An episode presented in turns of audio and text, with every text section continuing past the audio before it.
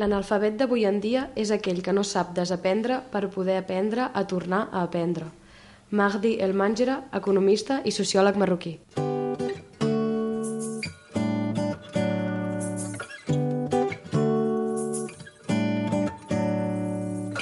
Obrim les portes de Casa Meva, un espai conduït per Alba Cartanyà, on ens endinsem en la realitat de persones que han trobat casa seva a casa nostra. Benvinguts de nou a casa meva. Com heu pogut intuir amb la cita de Mahdi El Manjra, avui anem cap al Marroc, un país que manté una relació constant amb Espanya, sobretot en les tres últimes dècades. La cooperació hispano-marroquí existeix en àmbits, per exemple, econòmics, migratoris i de seguretat de les fronteres. També cal tenir en compte que actualment hi ha 715.690 persones marroquines a Espanya, segons dades d'un estudi presentat a les segones jornades del Fòrum Hispano-Marroquí. Tenim amb nosaltres la Fàtima Almacraut i el Yasir Zin. La Fàtima té 23 anys i va arribar aquí a Catalunya quan en tenia 8. Ara està estudiant Treball Social a la URB i fa repàs a alumnes d'ESO. El Yacir té 25 anys i és tècnic de laboratori i també estudiant de química. Treballa de suport tècnic a un laboratori d'investigació. Ell va venir a viure aquí amb 13 anys.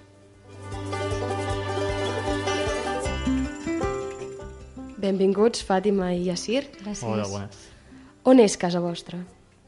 Casa meva és aquí a Catalunya, perquè és on tinc la meva família, és on he crescut i on he viscut doncs, mm, molts més anys que, que al Marroc. Jo podria dir que tinc dues cases, no? Una casa on he passat la meva infantesa i l'altra casa és aquesta, Catalunya, a Espanya, que és on visc i on he nascut la major part de la meva vida. I per què vau escollir venir aquí a Catalunya i en el teu cas, Fàtima, a Tarragona i en el teu Yacir a Tarragona? Ai, a Reus, perdó. A Reus, sí. bueno, en aquest cas no va ser una, una opció en el nostre cas exacte. perquè vam, vam vindre ja directament amb els nostres pares ja, que estaven aquí instal·lats amb, amb la feina i establerts aquí, no? Exacte, a mi em passa el mateix. He arribat aquí als 8 anys, per tant el meu pare ja, ja vivia aquí, tenia aquí el pis, per tant no ha sigut com un, una... O sigui, no, no ho hem escollit nosaltres, sinó que automàticament ja estava tot escollit sense, sense que ho tinguéssim en compte. Recordeu com van ser els primers dies quan vau arribar aquí? Sí, sí, sí, és clar. Uh, jo, doncs, mm, sí que van ser molt complicats al principi, ja que, ja que quan arribes aquí és una altra cultura, un altre idioma que no, que no coneixes, no coneixes a la gent de, de la teva zona i doncs les relacions amb els companys són molt complicades perquè no, no et saps comunicar, no, no, no saps ni expressar allò que, que sents ni allò que vols dir ni res. Per, però sí que jo he tingut la sort de que els professors van ser molt bons i eh, són ells que em van donar el suport aquest per poder doncs, a, anar cap endavant. Bàsicament el mateix, no? En aquest cas, bueno, malgrat que, que és un, una, un país que, al qual acabes d'aterritzar i quasi bé no coneixes ningú, però el fet de que hi hagi la teva família al teu costat, que no siguis l'única persona que, que no coneix res aquí, llavors et presenta una mica de suport, no? Mhm.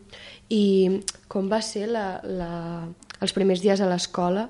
I bueno, si podeu parlar una mica, perquè els dos ara esteu fent una carrera universitària, Exacte. doncs com ha sigut el vostre procés en l'educació d'aquí? Eh, és que jo crec que això depèn també una mica de, de la teva família, els teus, o sigui, les teves ganes de- d'estudiar, perquè jo sí que conec molts casos que arriben aquí, no saben l'idioma, eh, es troben en una situació d'exclusió escolar, després comença el, fraca el fracàs escolar, no? que els nens doncs, eh, no volen anar al col·le perquè doncs, no, o sigui, no, no tenen bones relacions amb els companys o amb els professors, però jo en el meu cas ha sigut molt diferent. O sigui, el, el fet de no saber l'idioma ha fet que jo eh, tingui aquelles ganes de, de saber, de, de créixer i de voler arribar molt lluny de- d'allò que, o sigui, que on es trobava, em trobava. I des de casa s'ha animat a accedir a la universitat? Sí, bastant. Ells sí que volien que acabés els meus estudis i gràcies als meus pares, al seu suport i també a la, una germana meva, sí que gràcies a ells doncs sí que he pogut arribar allò on volia anar. I en el teu cas, Yassir? Sí, en el meu cas, des de, des de que estava en el Marroc, va, mm, tenia tot clar de que volia, on volia arribar. No? El fet del canvi cultural i el canvi de, de país i d'idioma i de tot, llavors eh, presenta algunes vegades, i en el meu cas també, eh, dificultats no? sobre, sobre el tema d'aprenentatge, sobre el tema d'arribar als teus, d'aconseguir els teus somnis, d'arribar a les teves, les teves metes, no? Però bueno, en, el, en el meu cas sí, sí he tingut una, un suport total de part de la meva família, he tingut barreres també, he tingut dificultats en, aquí a Espanya, però malgrat tot doncs, segueixo lluitant per, per aconseguir els meus objectius. Quines dificultats has tingut? Bueno, primer, la, meva, la, la primera dificultat amb la qual es troba qualsevol persona que arriba llavors és, és tema d'idioma. No? Uh, arribes aquí, és un, un país diferent, un idioma diferent, una cultura totalment diferent i, i comences a conviure amb la gent. No? Llavors, uh, per part d'això, inclús en els estudis, a vegades uh, és com, com si, volguis, si volguessis dir que uh, se't, fa, se't fa anar o se t'orienta més cap a, a temes de, de laborals de, diguéssim, de, de cicles, cicles mitjans o cicles ah, superiors sí, de formació professional, vaja. I vosaltres, clar, quan vau venir aquí us vau trobar que, que hi havia una altra llengua que es parla aquí, que és el català. Uh -huh. Vosaltres vau començar primer parlant el castellà i després o aprendre català? Com va ser aquest procés d'aprenentatge? Jo al revés. jo amb l'aula d'acollida feia més hores d'aula d'acollida que, que a classe normal. Per tant, al principi les primeres paraules que he après va ser, van ser en català. I després ja és quan al, a fora... Jo crec que el castellà és més perquè aquí, la zona on visc, es parla molt a fora i el català a l'escola. Mm. El català ho he, he començat a aprendre el català a l'escola i el castellà és com si va ser amb la llengua, la llengua castellana i després també amb els companys. Mm. I en el teu cas? Bueno, en el meu cas va ser... Va ser és que jo vaig començar aquí a aprendre català pel, com, com la Fàtima, no? en, en el que és l'aula d'acollida. No? Sí i després ja a poc a poc comences a aprendre el que és el castellà a les classes de castellà de, de l'escola i també amb els companys doncs, en, en l'hora del pati i tot això. I creieu que en aquest tema de la llengua hi ha un canvi generacional en el sentit de que els vostres pares potser no parlen català Valtros en parleu i els vostres fills segurament sí, en parlaran. Segurament, mm -hmm. sí, sí. Sí, clar, en aquest cas els nostres pares han vingut aquí eh, principalment per, eh, per, per treballar, no? Exacte. O per altres, altres motius, però eh, el primer que fan aquí és buscar-se una feina. Llavors, per buscar-se una feina, ells venen aquí amb el castellà D'acord? És cert que hi ha algunes parts d'Espanya, algunes comunitats d'Espanya on es parlen idiomes diferents, però en, en, totes, en, sí. en tota Espanya es parla el castellà. Llavors tenen més facilitat per si s'han de moure o tot, o tot, mm, o tot això. Però, en canvi, nosaltres no. Nosaltres estem aquí, eh, per exemple, en, en Catalunya, el nostre objectiu principal quan hem vingut aquí és seguir els nostres estudis, no? Llavors, per seguir els nostres estudis és una cosa imprescindible estudiar el català. Llavors, per això mm, s'estudia el català i, i el mm. català i el castellà, en aquest cas, per seguir endavant. Vosaltres sou àrabs musulmans? Perquè crec que bé, estaria bé aclarir aquests termes, mm -hmm. ja que a vegades es confonen sí, bastant. bastant. Llavors, àrab és algú que ha nascut en un país de parla àrab Exacte. i musulmà és la persona que creu en l'islam. És així? Exactament, sí. sí. Eh, sol haver moltes confusions en aquest tema perquè molta gent pensa que si ets àrab has de ser musulmà. No, no té res a veure. Hi ha països àrabs que la meitat de la gent d'aquell país són cristians o jueus i no té res a veure. O sigui, tu vols creure en... O sigui, tu tens aquella tens aquella opció de creure en allò que vulguis. No perquè has nascut en un país has de, has de doncs, practicar una religió en, concret, en concreta. Es relaciona, com diu la Fàtima, es relaciona molt, moltíssim el, el fet de que un musulmà sigui àrab o un àrab ha de ser musulmà no, no i no és així. Per exemple, tenim el cas del Líban. Líban es considera un, un dels països més cristians del món, no? però és, és un país àrab. En el cas del Marroc, igualment, és un país que origin, originàriament era jueu i s'ha anat fent el canvi a poc a poc amb, amb el tema d'aprenentatge mm -hmm. i de coneixement. No? I llavors la majoria han fet la conversa des de la, la religió jueva al, a la religió sí, uh, musulmana. No? Seguir, i avui en dia seguim tenint jueus al Marroc Exacte. que són marroquins no? i és igualment també el fet d'aquí d'espanyols musulmans avui en dia uh, tenim al, uh, alrededor d'uns dos milions d'espanyols que són espanyols d'origen espanyol que són, són musulmans, musulmans. però en aquest cas no es fa o sigui, no es fa un incís en aquest tema sempre en, en els mitjans de comunicació Sí, sí, tant. Caldria separar el país sí. de la religió. Exacte. Llavors, ara parlant una mica d'aquí de, de Catalunya, la situació actual, uh mhm. -huh. com esteu vivint el procés, si esteu implicats, si... bueno, com, com el sentiu? A veure, jo, per exemple, so, o sea, soc partidària de que si un, o sea, una comunitat autònoma vol la seva independència, jo estic a favor, realment però sí, i no, no veig eh, bé allò que s'està fent, perquè si n'hi ha democràcia, això s'ha de complir. No hi ha democràcia només en termes que els... Bueno, no m'agrada entrar en política, però sí que en termes que sí que només els interessen a ells. O sigui, hi ha democràcia, hi ha democràcia per tothom.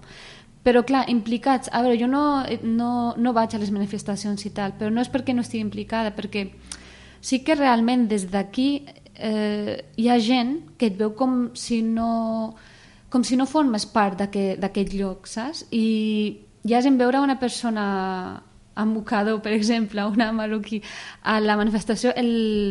és com si no ho, no ho veu com una cosa normal, però jo sí que estic partidària de que si una comunitat autònoma vol la seva independència, jo estic a favor de, tant, i tant que sí, ens has preguntat si estem implicats, clar que estem implicats, som, som o sigui, ciutadans de, de Catalunya i d'Espanya en general.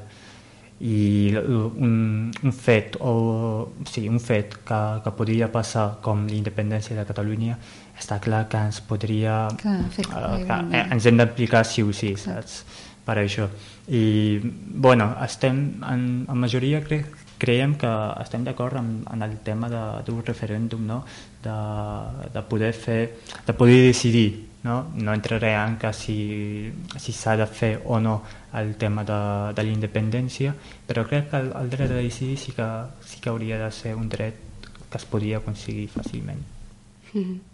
Bé, tant de bo tothom pensés així. Um, després de parlar una mica sobre l'adaptació a, a un nou territori, Ara anem a escoltar la primera cançó que ha escollit en Yassir.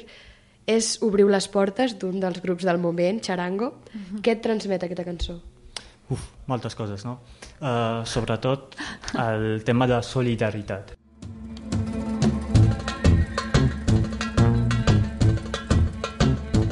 He vist el cel cobert de plom, he vist ciutats desaparèixer com la pols,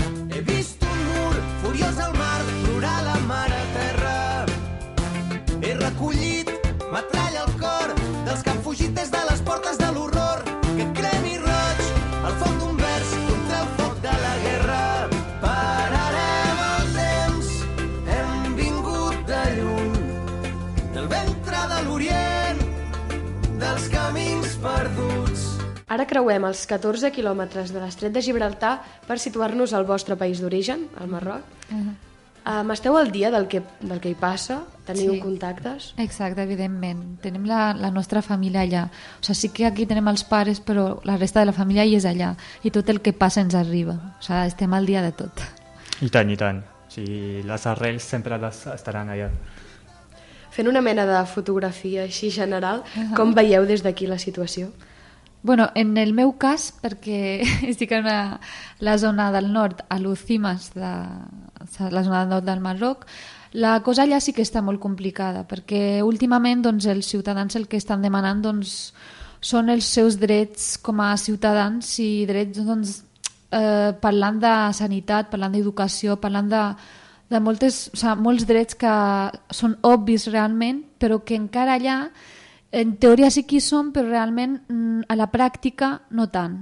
Saps? Per això estan reivindicant i estan lluitant per aquests drets. I fa poquet doncs, sí que va haver moltes manifestacions i hi ha molta gent a la presó i, i clar, la situació allà no és, no és per estar contents, no? però bueno, ells seguiran lluitant fins a aconseguir allò que, que els interessa, que són els drets com a ciutadans d'un país i que allò els correspon, aquells drets com socials els correspon. I tant.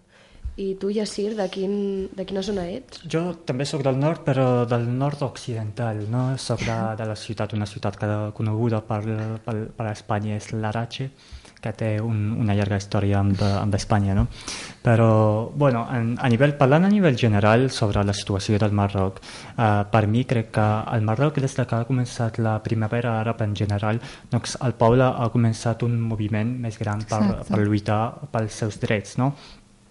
I aquest, en aquest cas el Marroc està passant per una, diguéssim, per una revolució però més suau, una revolució, una revolució suau.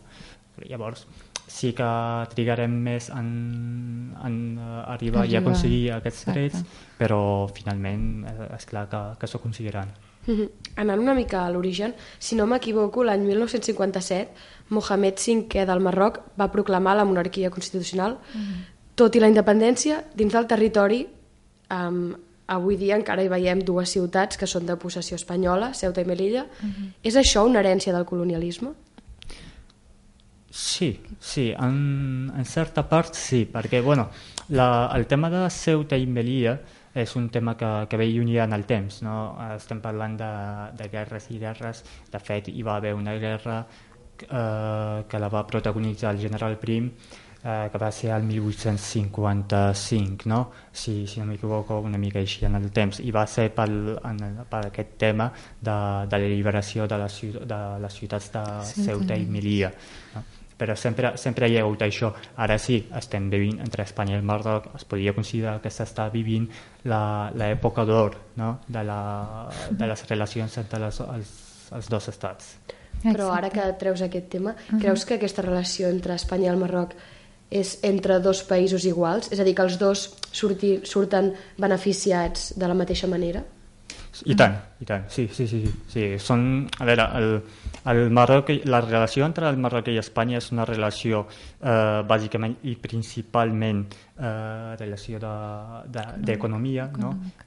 d'interessos econòmics. Llavors, Uh, des d'un punt de vista uh, econòmic, diguéssim, sí. i comercial, el, mm. sempre són dos parts iguals, encara que molts cops podria, es podria veure que a nivell internacional Espanya és una mica es, podria, es, es vol posicionar una mica sí. uh, més del Marroc però sí, des d'un sí. punt de vista diguéssim, quan, quan parlem sobre els papers es veu que són dos, dos països iguals bé, el Marroc, juntament amb Egipte, són els aliats més ferms um, uh -huh.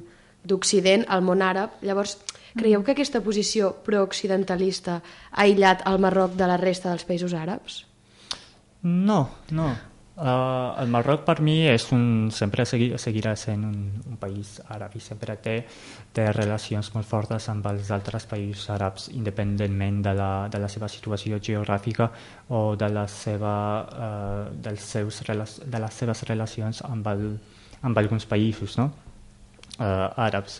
Però sempre, el, si estem parlant de, del Marroc com, com una població, doncs la població marroquina és, és diguéssim, és molt àrab. En general, tot, tota la població del, de tots els 22 països àrabs doncs, són molt, molt conjunts. No? El, el que passa amb un li afecta l'altre. És el mateix que hem viscut i hem vist amb el tema de la, primera, de la primavera àrab. Ha, passat, ha començat en Tunísia i s'ha extès a tot el món àrab. Exacte. Jo penso el mateix en aquest cas. Eh, jo crec que el Marroc és molt més àrab del que... O sigui, per molt, sí, per molt que és veritat és, és un país molt liberal, en el sentit de que cadascú després allà fa el que vulgui. Mm, té les seves creences, té les seves... però realment és molt més àrab que occidental. L'any 2011 es van produir diverses protestes en ciutats marroquines per demanar un canvi polític, una Exacte. mica el que deies d'aquest despertar de la població. Uh -huh. Bueno, no es demanava exactament l'abolició de la monarquia, però sí limitar el seu poder Exacte. i més responsabilitat en la política governamental.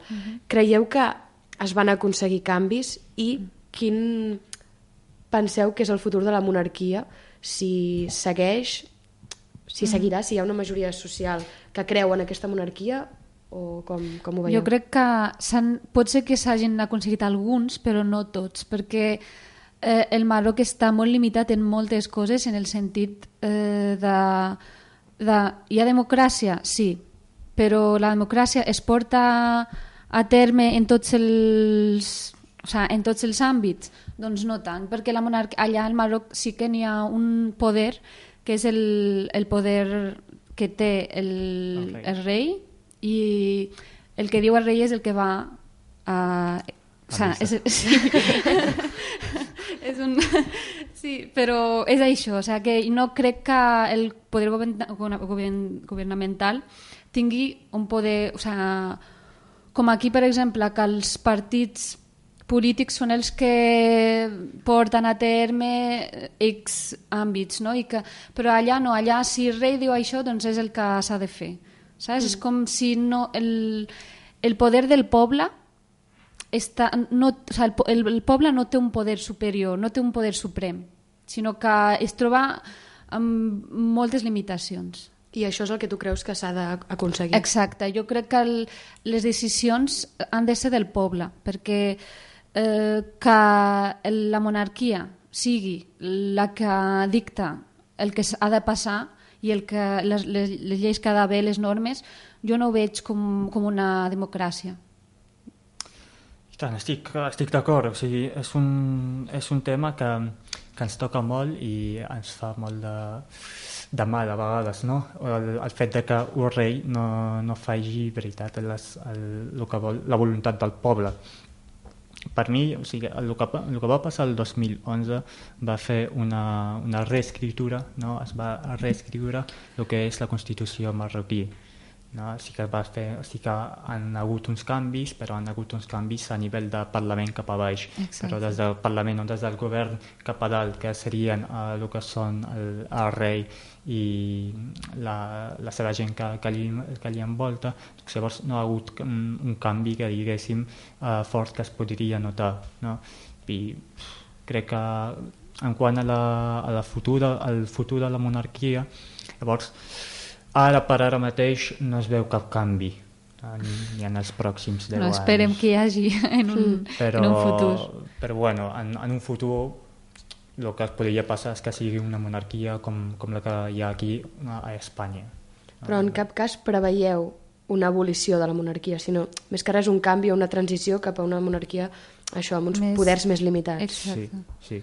Una, una abolició no, no crec que hi hagi.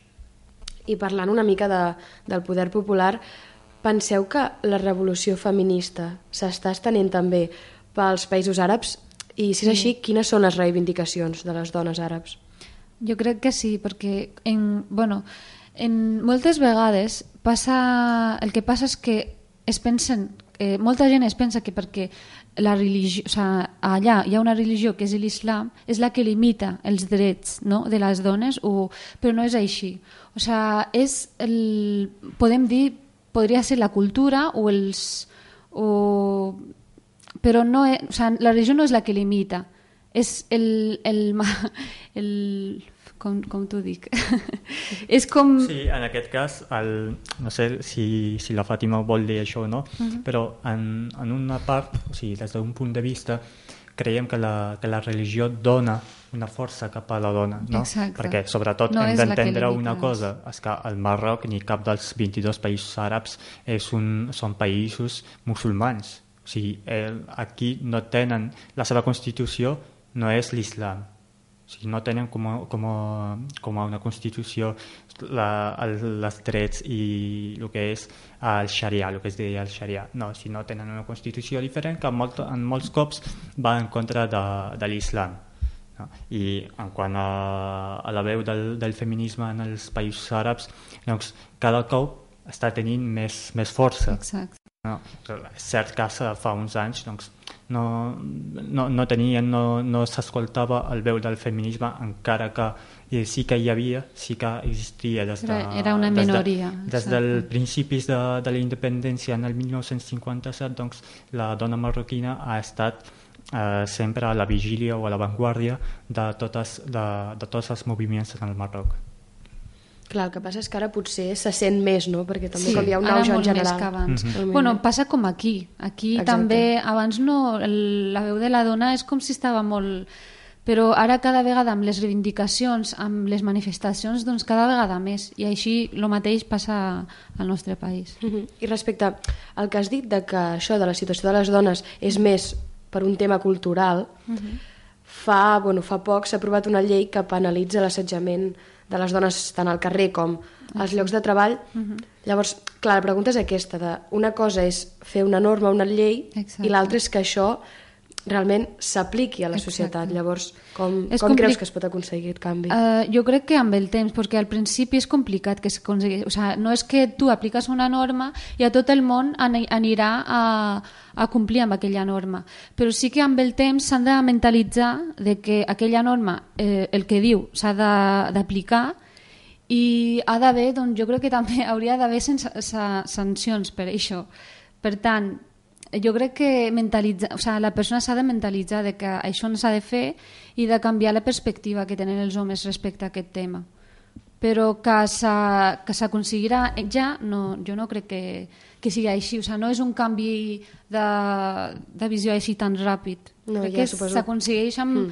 amb el temps. és sí. un tema d'edu- d'educació, no? També. Mm, Pot ser que sí que hi ha, hi ha el punt de vista o hi ha el, el que seria, diguéssim, el punt de vista de que el, la població marroquí és una població machi, masclista, no? però molts cops et, et podries trobar que amb homes que estan defendent i estan també amb, el, amb els moviments eh, feministes, Feministes. De, del, del país, en aquest cas. Llavors, és un tema de, de que com, com es podria veure, no? com a qui coneixes, no? Si coneixes a una persona bona, llavors dius, ah, sí, mm, eh, doncs aquesta, aquesta gent doncs, tenen aquest pensament, però si el, el primer que coneixes d'una població és una, po- és una persona masclista i tal, doncs Clar. penses, ah, no, tota aquesta gent són masclistes, i aquests són un dels errors que es troben en, en múltiples eh, poblacions. Ja. Però, doncs, seria el tema de la generalització i Exacte. crec que no hi hauria de ser en aquest cas. Clar, al final és el que dius, gent bona o dolenta, gent Sí. Ha feminista o no, n'hi ha a tot arreu, ha llavors. a tot arreu.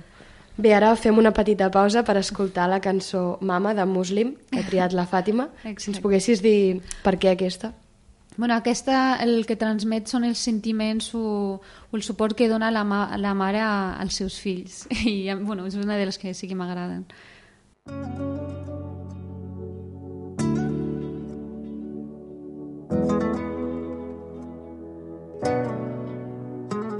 واخا انايا نوصف باش نوصل ليك داك الشي اللي حاس بيه واللي كنشوفو فيك. ما يكفي العمر وما يكفي خلود. حيت كنبغيك يما بلا حدود.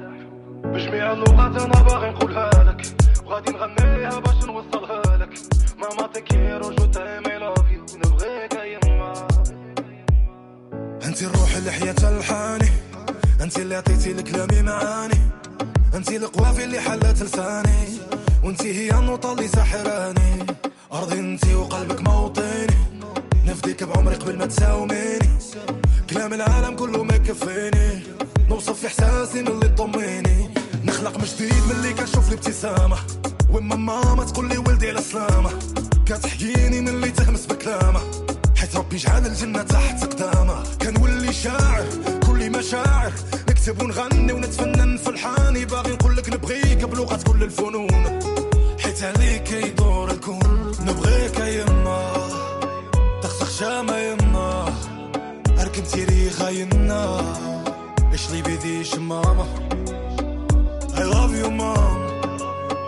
Je t'aime maman Mama te amo Ik hoef van jou mama يما نبغيك أنا فوق ما كتخيلي أنتي القمر اللي مضويلي Canta en àrab, Fàtima? Bueno, a més amb- de l'àrab afegeix molts més idiomes. Està el francès, l'anglès, està l'alemany i crec que... L'espanyol, Ah, l'espanyol. l'italià també. Sí, és com si és una cançó que, que engloba tots aquests idiomes.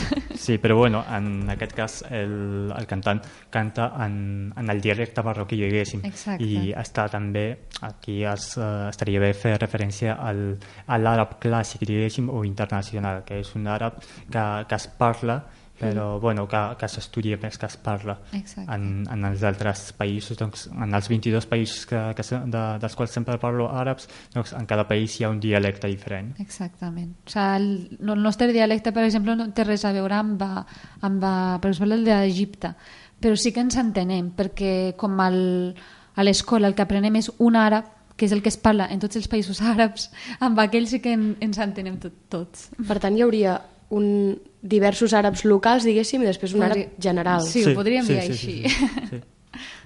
Que curiós, perquè això, Sí. no sé jo si se sap massa així en general. Ara, parlant una mica d'immigració, l'any 2017 um, la majoria d'immigrants a Espanya provenien de, del Marroc. Són 706 milió... 706.520 persones. Per què venen aquí? Um, quins són els motius de la fugida Bueno, del seu bàsicament, eh, jo crec que arriben aquí per canviar les seves condicions, en el sentit de que allà no treben eh, oportun oportunitats de treball, ni tampoc és que els animen, o sigui, no hi ha una, una animació al, a la educació, a l'acabar els teus estudis, no? Per tant, molts joves el que fan és que com veuen que acaben la seva carrera o acaben els seus estudis, després no, no troben treball d'allò que, que busquen, o gent que està buscant treball però que no troba, no hi ha oportunitats de treball. El que fa la gent és això, és emigrar i anar a un altre país a buscar eh, unes condicions millors eh, que les que hi ha al seu propi país. O sigui, no migren perquè, mira, perquè els, dona, o sigui, perquè els ve de gust, no. Perquè canviar la teva cultura, la teva, o sigui, el teu entorn, canviar-ho tot per anar a un altre país costa molt. O sigui, no és una cosa fàcil que dius, ah, mira, me'n vaig a on... No te'n vas perquè vols, perquè vols canviar la teva vida millor. I aquest futur incert que dius eh, ve relacionat amb el que parlàvem abans de, dels drets, de la situació política en Exactament, o sigui, sí, fent referència a això, o sigui, no, canviem de país perquè la nostra eh, situació política o socioeconòmica no és, la, no és la que nosaltres volem, sinó que volem alguna cosa millor, que ara sí que s'estan començant a lluitar per aquests drets, però eh, fa uns anys això, o sigui, no, no parlàvem de, de, de canvi. Ara sí que és, veig que al meu país sí que n'hi ha canvis, o, o, bueno, estan havent canvis en el sentit de que el poble vol aquests drets i lluita per aquests drets, però fa un temps no, no, no es parlava d'això. En aquest cas, no sé si estaré del tot d'acord amb la Fàtima, però, però el tema de l'immigració hem de, de veure des d'un punt de vista diferent. És cert que actualment la, la immigració cap a Espanya és, és principalment pel, uh, pel motius uh, de millorar la condició, no? però molts cops eh, la, la immigració és, a vegades és, és per buscar una altra cosa, és per, uh, per començar una, una aventura a vegades, no? eh, inclús per, per buscar-se un lloc on, on, és, on la persona se sent més acceptat no? o per, per fer o per, per el tema dels estudis per exemple, o sigui, n'hi ha moltes persones que que van a, a immigrar durant un temps o per sempre per, uh, per fer uns estudis i tornen al seu país d'origen. No? Llavors, no sempre, uh, sempre, es veu que sempre estem parlant de quan una persona immigra és per sempre, no? però no. Crec que quan una persona immigra sempre té la, la mentalitat almenys els primers anys de, de la seva immigració de tornar on, on estava tornar del seu país Va, jo feia referència al 2017, ai, 2017, perdó, al 2007, perquè parlaves de, d'aquell període, període en concret.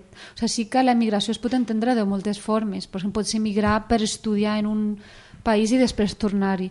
Però o sigui, jo feia referència a aquell, a aquell període en concret perquè va, va haver molta immigració. Sí, jo em referia a les dades del 2017. 17, 17. Ai, 17, Que diuen perdó. sí, que la majoria de persones Ah. immigrants provenen Vale, del vale, Marroc, vale. per això. Clar, Sí, bueno, en Però bueno, crec que cas- ha quedat clar el que has dit, que és per un... Bueno, perquè si al país no, no trobes el que tu, potser tu busques, doncs vas que a un altre lloc on ho canviar. puguis trobar. Mhm. No, en aquest cas el tema de que la, la immigració prevé, uh, ve um, principalment del Marroc. M'agradaria fer referència a una cosa que és una mica...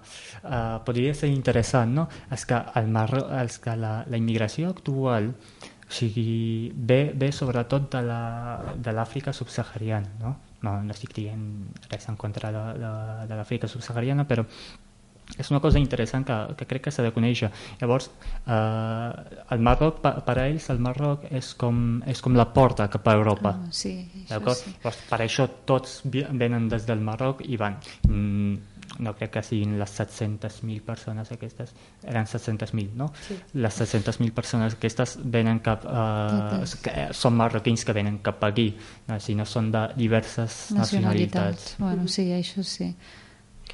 No sé si vosaltres heu passat el que preguntaré ara, però bueno, a veure si ens podeu explicar una mica la vostra experiència. Mm-hmm. Com és el procés d'obtenir un permís de residència provenint d'un país que no està en cap guerra ni pateix una emergència humanitària urgent, com per exemple podria ser Síria? Bueno, en, los, en el nostre familiar va, va ser, a base, clar, hem vingut, bueno, jo en el meu cas, eh, m'ha portat el meu pare. O sigui, és el... Reagrupació familiar. Exactament, mm. s'ha fet una reagrupació familiar, però en molts casos quan no et porta el pare, sinó tu vols portar el teu marit o el marit vol portar la dona, és que has d'estar treballant, has de tenir el, o sigui, sis mesos de, sis mesos de, de no, no, sí, la nòmina Sí, sis, sis, sis nòmines, la nòmina, no? bueno, però sis això, nòmines. això es va canviant, de, depèn de l'època, no?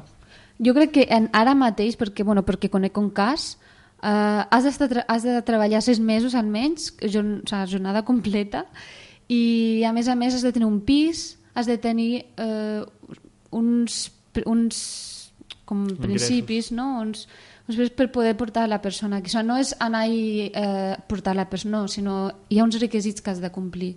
Mm -hmm. Amb quins prejudicis topen els marroquins que venen a viure aquí? Bueno, hi ha, molts. Hi ha, hi ha molts. molts. Hi ha És llarga la llista. Sí. sí. Però ja va estar aquí força temps.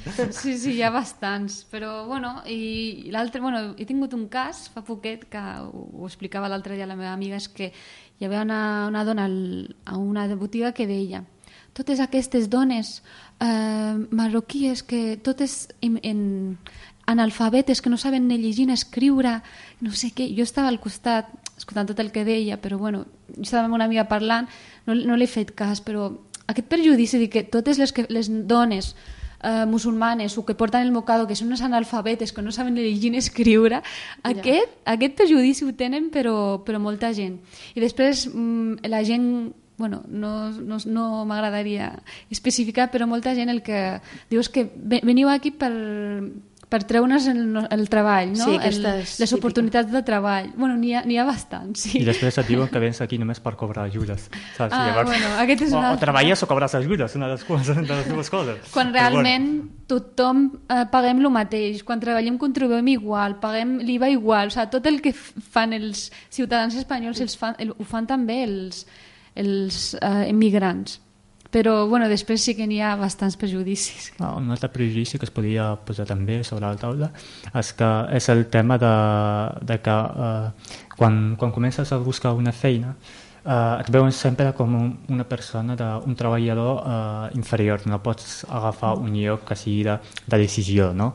Llavors, bueno, eh, això, això sí que, sí que toca a vegades, sobretot en el cas de, de les dones, no? Sí, bueno, en el nostre cas, per exemple, el mocador és un problema molt greu eh, per trobar feina, perquè quan vas o et fan treure el mocador per poder treballar en, eh, en aquell lloc que ha sol·licitat o si no, doncs per, per el, el, la posició, o sigui, per el, el, el post de feina. El post de feina, exactament. Sí, sí. I és un problema que tenim que estem lluitant per poder doncs, eh, solucionar-ho o no solucionar perquè és complicat, depèn de, de les, si les empreses són privades tenen tot el, tot el poder per dir allò que volen en la seva política d'empresa, no? Però almenys en, en posicions no, públiques sí que ens agradaria que això canviés. Bueno, hi va haver un cas fa, fa uns mesos d'una noia que, de Madrid que, que, li van dir, que li van dir en una entrevista que uh, no, has de, o sigui, ens agrada el teu currículum i tot, però per treballar uh, has de treure el mocador. Sí. És que la nostra gent no, no vol tractar amb persones com tu. Llavors, això de com, persones com tu et quedes de quin, de quin tipus sí, soc. Sí, sí, sí, de quin tipus, de quin tipus soc. Llavors Exacte. hi va haver un moviment, almenys per, per Twitter i tot això, doncs per fer això, però necessitem un moviment real, no? en, la, en la vida real per, per aconseguir aquest dret. Jo crec que el que hem de tenir en compte és més els estudis, el teu currículum, que, com ha dit, i no l'aspecte la, no, físics, perquè cadascú hem, hem de, ens hem de respectar entre tots, cadascú ha de respectar la, les creences o, o la religió o la manera de ser de l'altre i, això, o sigui, i saber conviure, que és el més important. Mm -hmm. I tu, ara que has tret el tema del mocador, mm -hmm. i lligant una mica abans el que parlàvem del feminisme, mm -hmm. què li diries a les persones que pensen que el mocador és símbol de l'opressió cap a la dona. No és cap símbol d'opressió, sinó que tot el contrari. Jo suporto és perquè eh, crec en una religió i he de seguir les, les normes d'aquesta religió. O sigui, no, eh, no perquè el meu pare m'ho ha dit, com diuen molta gent, o, o de fet no estic casada, per tant, que molta gent diu no, és que el teu marit t'obliga a portar... No, no, no té res a veure amb, amb si algú t'obliga, sinó és que té a veure amb en, en, en les teves creences o la teva religió simplement és això, o sigui, que tots els prejudicis que n'hi ha sobre... Tots són falsos, o sigui, no tot és fals, allò que, que es va dient. Exacte, bueno, jo suposo que amb el temps s'aniran trencant aquestes barreres jo i crec que sí, es també. normalitzarà. Jo crec que sí. Confio en això, almenys. Anem ara a escoltar un dels temes preferits del Yasser, és Ya Rayeh de Rashid Taha. Per què aquesta cançó? No, aquesta cançó, eh, ja Raes, primer significa eh, tu aquell que, que vas, no? i en, el, en les paraules d'aquesta cançó sempre et pregunta, et pregunta a on vas i quan tornaràs. Llavors és el tema que he dit abans de que els arrels sempre hi quedaran en, on has nascut. Per això em toca molt i sempre em fa pensar en on, on he nascut i on he, he viscut la meva inicialment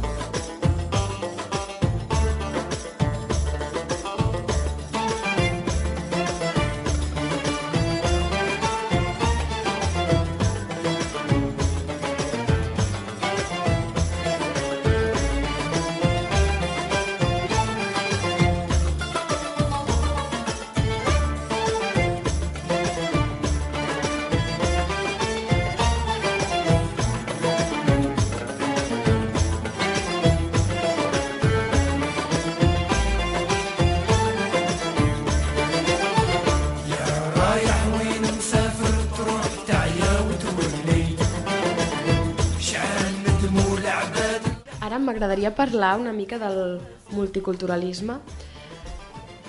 Bé, en aquest sentit, algunes posicions així més conservadores posen el focus en la integració, mm. però clar, sembla que a vegades integrar-se vulgui dir que tu deixis la teva cultura per adaptar Exacte, la meva. Exactament.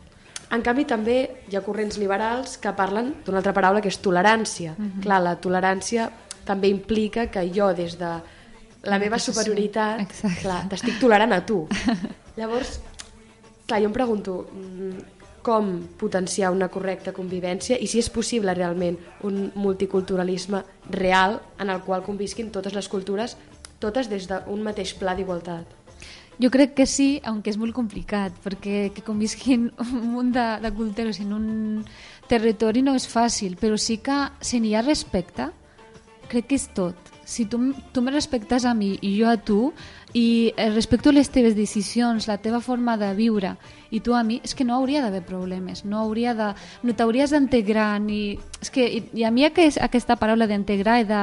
Aquests són uns exclu... o s'estan excloent de la societat o no m'agraden aquests termes per això, perquè és, ell és així i tu ets així. I el que ha d'haver entre els dos és respecte.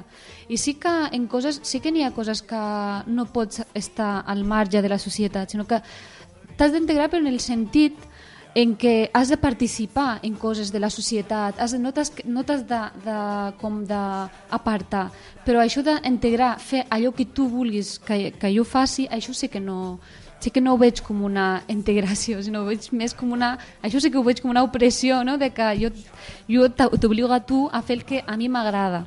No, és més respectar uns als altres i, i conviure, saber conviure.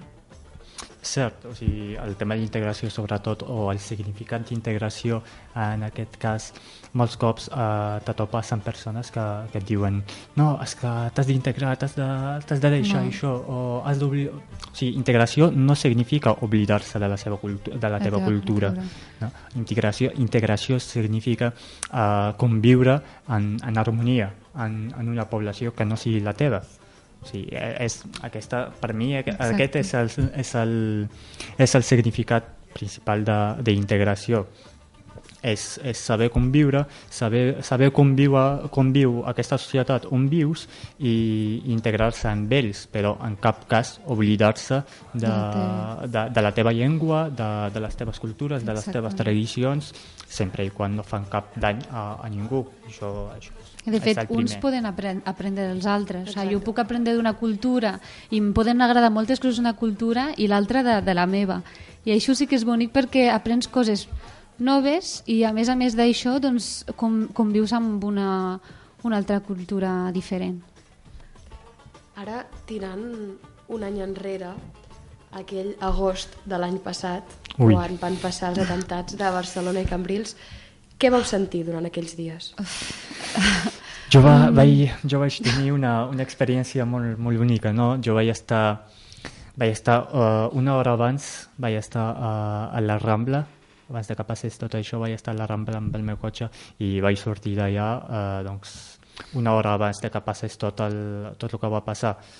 Però, bueno, en, en aquest cas, jo, en aquest, no sé, m'agrada em va agradar la reacció de la, de la població catalana i la població espanyola en, en general. No? És cert que hi van haver uns, eh, bueno, uns moviments en contra de la, de la població musulmana aquí a Catalunya, uns, bueno, unes reaccions que, que no han agradat ni a la població musulmana ni a la majoria de la població catalana, però en general em, em va agradar moltíssim com, com va respondre la, la societat catalana a tot això amb una solidaritat primer amb, els, amb la comunitat musulmana de Catalunya i després entre ells eh, mateixos. La veritat és que jo vaig sentir molta por. jo no estava aquí, sinó que estava al meu país d'origen, de, de Kansas, però al, al veure les notícies i veure la, la, la notícia de Barcelona i de Cambrils em va afectar molt, moltíssim. I després eh, és com si el fet de... em va afectar per allò que va per la gent que ha sortit doncs, afectada i la gent que, que va morir i tal, però a més a més de la situació en, en, en si, no? que més racisme pot ser, més... O sigui, més... No. Eh... Més rebuig. Sí, això. Sí. més rebuig, exactament, de, del, de la població catalana a la població musulmana o àrab. Això sí que em va donar una mica de por perquè, clar, aquesta és casa nostra també, perquè portem aquí molts anys, ten, ho tenim aquí tot i el fet de que una pobla, o sigui, la població tributgi o tracti diferent, eh, la veritat és que se sent, la persona se sent molt, molt, molt... Tocada. Exacte. Sempre acaba, acaba el... I tu, Yassir, sí. um, has, bueno, has parlat de la solidaritat que vas sí. veure i també, però clar, també hi ha la part que comenta la Fàtima i volia preguntar-vos què us va semblar el fet de que quan es va produir l'atemptat a les Rambles, una part de la població va demanar que la comunitat eh, musulmana sortís als carrers públicament a rebutjar allò que havia passat. I clar, jo aquí em plantejo, si jo algun dia me'n vaig a viure a Berlín i hi ha un atemptat allà, ningú em demanarà, si l'atemptat l'ha fet un català, ningú em demanarà que com a catalana surti a rebutjar-lo, perquè Exacte. no s'hi relacionarà directament. Llavors, què us va semblar?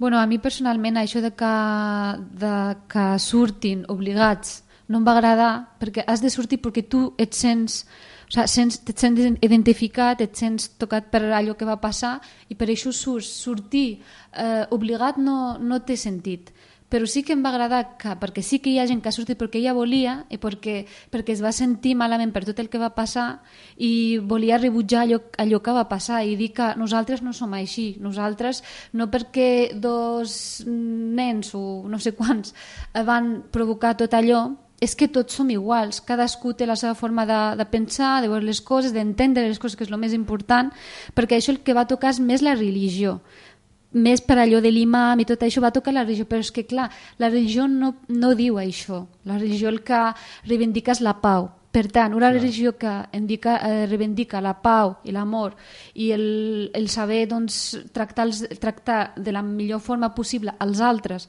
i després que hi hagi doncs, morts, que hi hagi... És que no... Saps? Són coses contradictòries que no entren al cap. Sí, di, diem sempre una, una frase que, que m'agrada, és escolta de mi, però no escoltis sobre mi. Saps? Sí, sí no, no, no vagis sentint coses que parlen de, uh, de mi, però primer ven i vine i pregun, pregunta'm les, mm -hmm. els dubtes, tots els dubtes que tinguis. Sí, vai, uh, bueno, coses així. Llavors, el, el tema principal en, en, els, uh, en els atemptats, diguéssim, de, de l'agost del 2017 va ser que es van fer en, en nom de l'islam, però l'islam, com ha dit la Fàtima, rebutja qualsevol eh, atemptat o qualsevol acció violenta contra, contra qualsevol persona. Sí Llavors, Humanitat.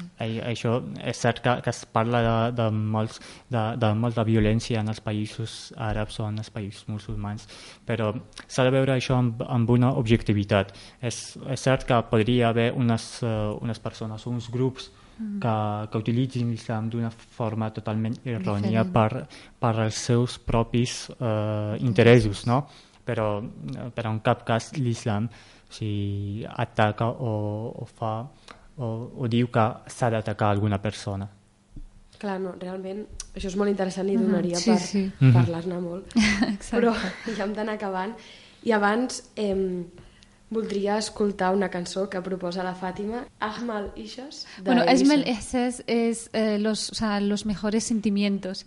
Enton, eh, per tant, parla dels millors sentiments que pots sentir per tant, és una cançó que m'agrada molt perquè és una cançó també romàntica mm -hmm. i que sí que normalment escolto.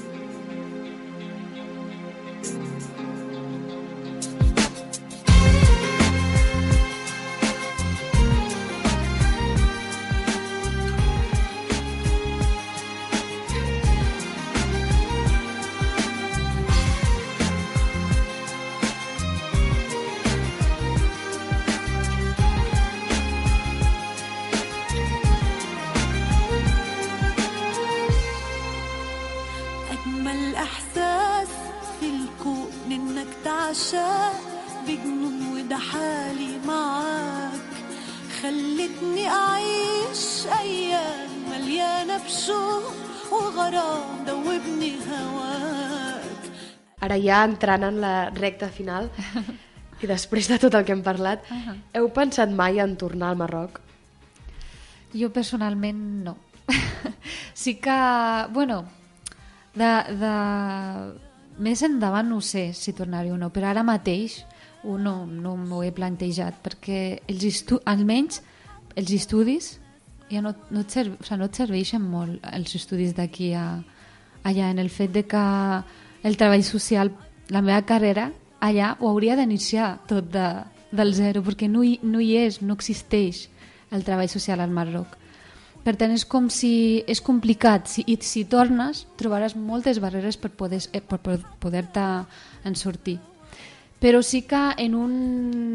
Doncs, eh, més, més endavant, de, de major, o de, quan tingui uns quants anys, doncs podria ser, perquè els meus pares, per exemple, sí que plantegen que quan nosaltres doncs, ens casem tots i tots tenim, tenim les nostres vides, doncs ells sé que els agradaria tornar al país.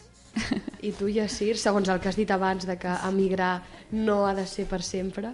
Ara, en un principi no és per sempre, no? sempre, sempre penses en tornar al, als teus arrels, als teus arrels, als teus orígens. Però, bueno, jo vaig, va ser al principi, sempre tenia la, la idea de tornar. Sempre la idea de tornar, deia, bueno, traia aquí els meus, els meus uh, estudis i, i tornaria. I, de fet, fins ara uh, els tinc, però, clar, Uh, ara per ara no tornaria perquè les, mm, de fet la meva situació aquí no m'ho permet i la situació del, en el Marroc tampoc, uh, tampoc ho permet del tot. Per últim, una pregunta així més de reflexió. Uh -huh. Us considereu marroquins vivint a Catalunya o catalans de procedència marroquí? és una mica complicada.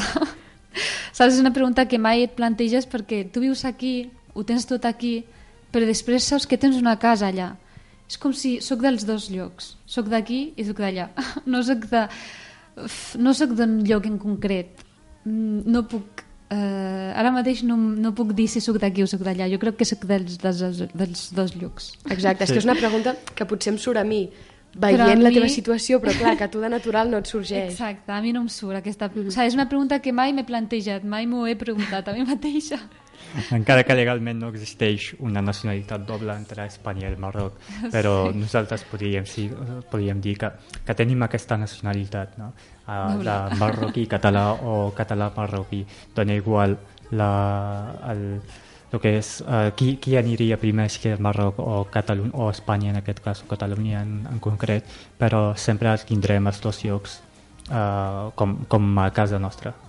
Molt bé, que bonic. Moltes gràcies, Fàtima i Yassir, A tu. fins aquí al programa. Moltes gràcies. Moltes gràcies. Esperem que hagueu passat una bona estona i que ens acompanyeu a partir d'ara en la descoberta d'altres realitats que conviuen amb nosaltres. Ens escoltem de nou al següent programa.